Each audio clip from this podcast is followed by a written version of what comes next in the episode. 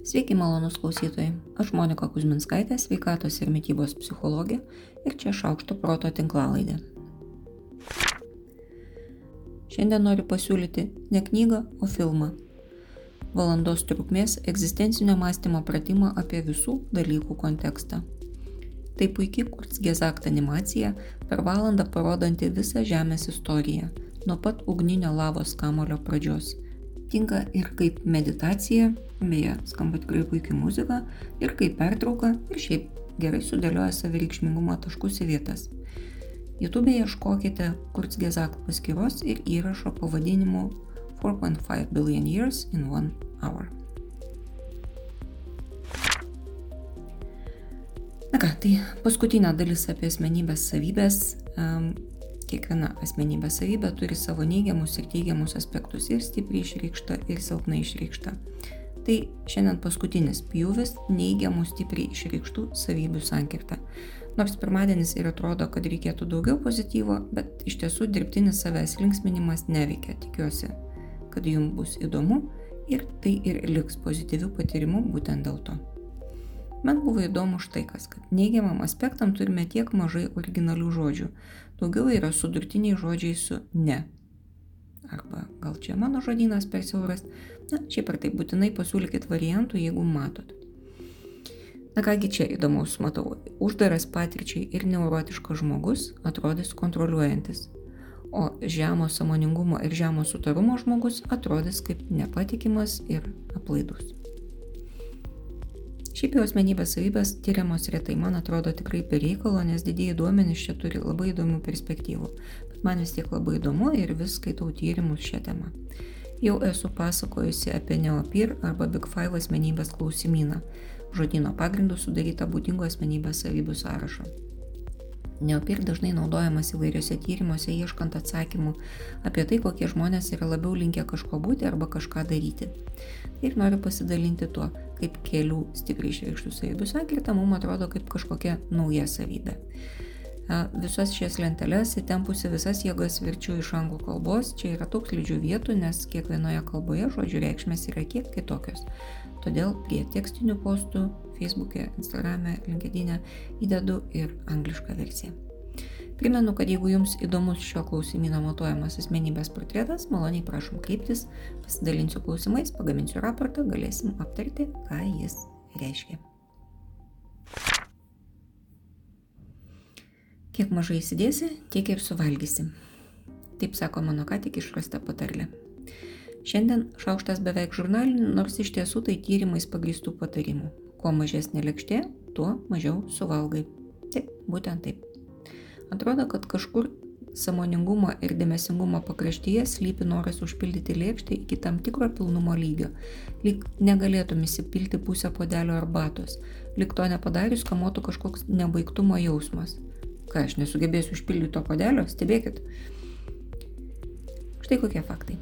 Į bufete žmonės dedasi maistą į didesnės lėkštės, jie įsideda 52 procentais daugiau maisto negu į mažesnės lėkštės, suvalgo 45 procentais daugiau maisto ir galiausiai išmeta 135 procentais daugiau maisto.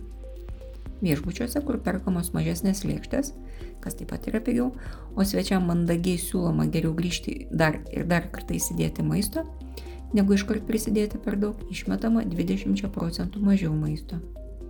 Padidinus maisto porciją dvigubai, suvalgoma iki 35 procentų daugiau maisto.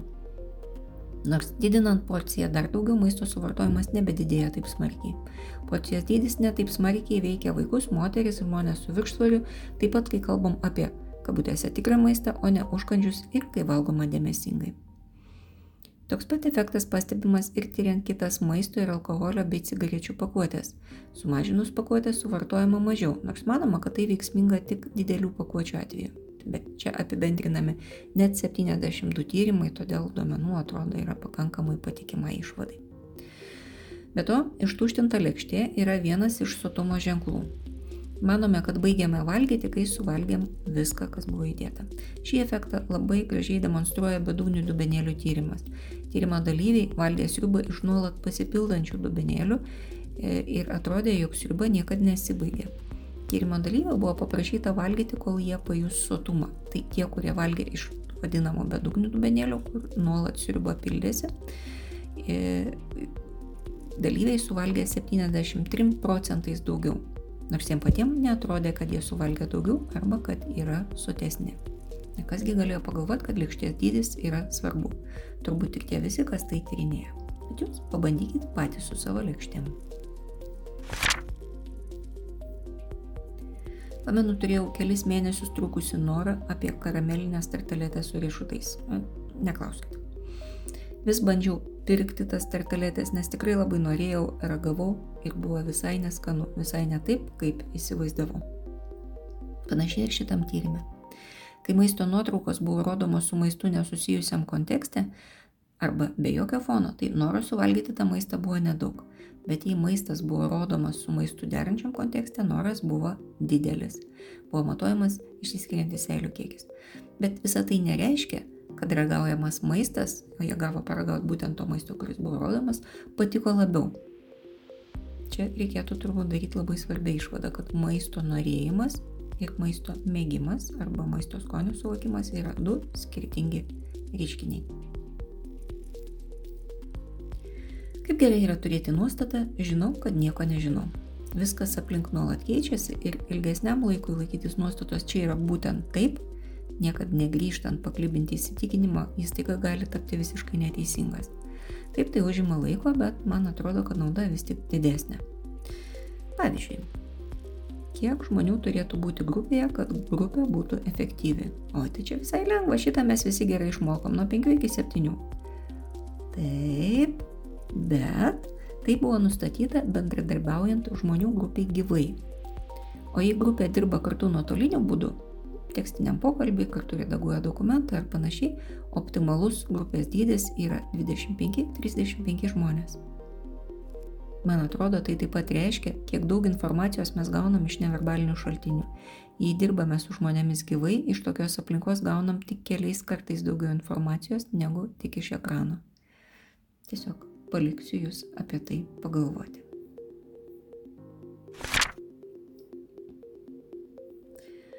Šįryt man atrodo, kad vertinga pakartoti vieną praktiką, apie kurią galbūt jau rašiau, bet čia ta tema, kur kartojimas nekenkia.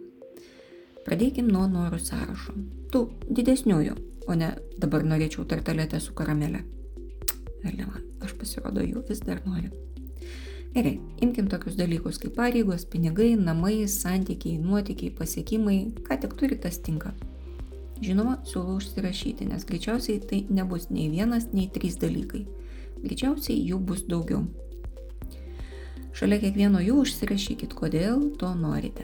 Žinau, kad paprasta pasakyti, bet šitai daliai būtinai skirkit laiko. Nori niekada nebūna, tiesiog nori ir viskas. Jeigu jau taip yra, ypatingai verta prakrapštyti viršutinį sluoksnį ir pažiūrėti, ar kartais, ar kartais ten nėra jūsų penkiamečio balsų skambančio, mama sakė, kad bus gerai.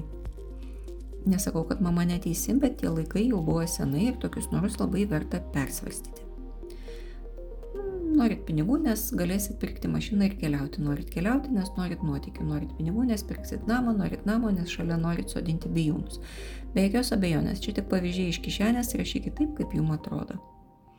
O tada eilė trečiam sluoksniui. Ar tikrai taip bus? Noriu būti graži, nes tada būsiu populiari. Ar tikrai tai bus? Ar jums tai buvo? Ar remiatės tendencingai suformuotą socialinės medijos informaciją? O gal tik ta viena draugė, kuri gal populiari vis tik dėl to, kad skaldo geriausius bairius?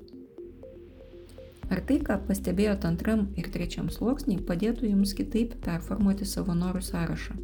Tada performuokit. Papildykit.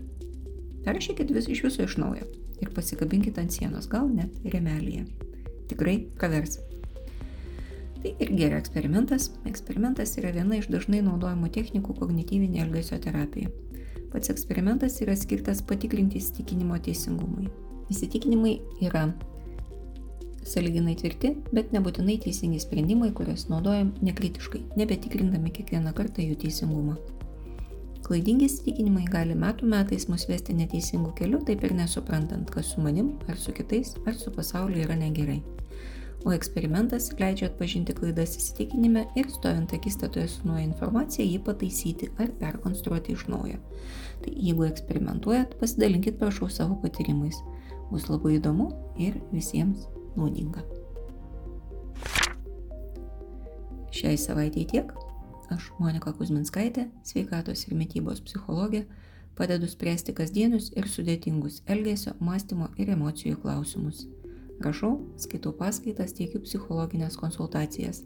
Mane rasit socialiniuose tinkluose vardu Šaukštas Proto arba gyvai Vilniuje, Goštauto gatvėje. Rašykit man asmenę žinutę socialiniuose tinkluose arba elektroniniu paštu adresu šaukštas.proto atgmail.com. Taikos ir ramybės.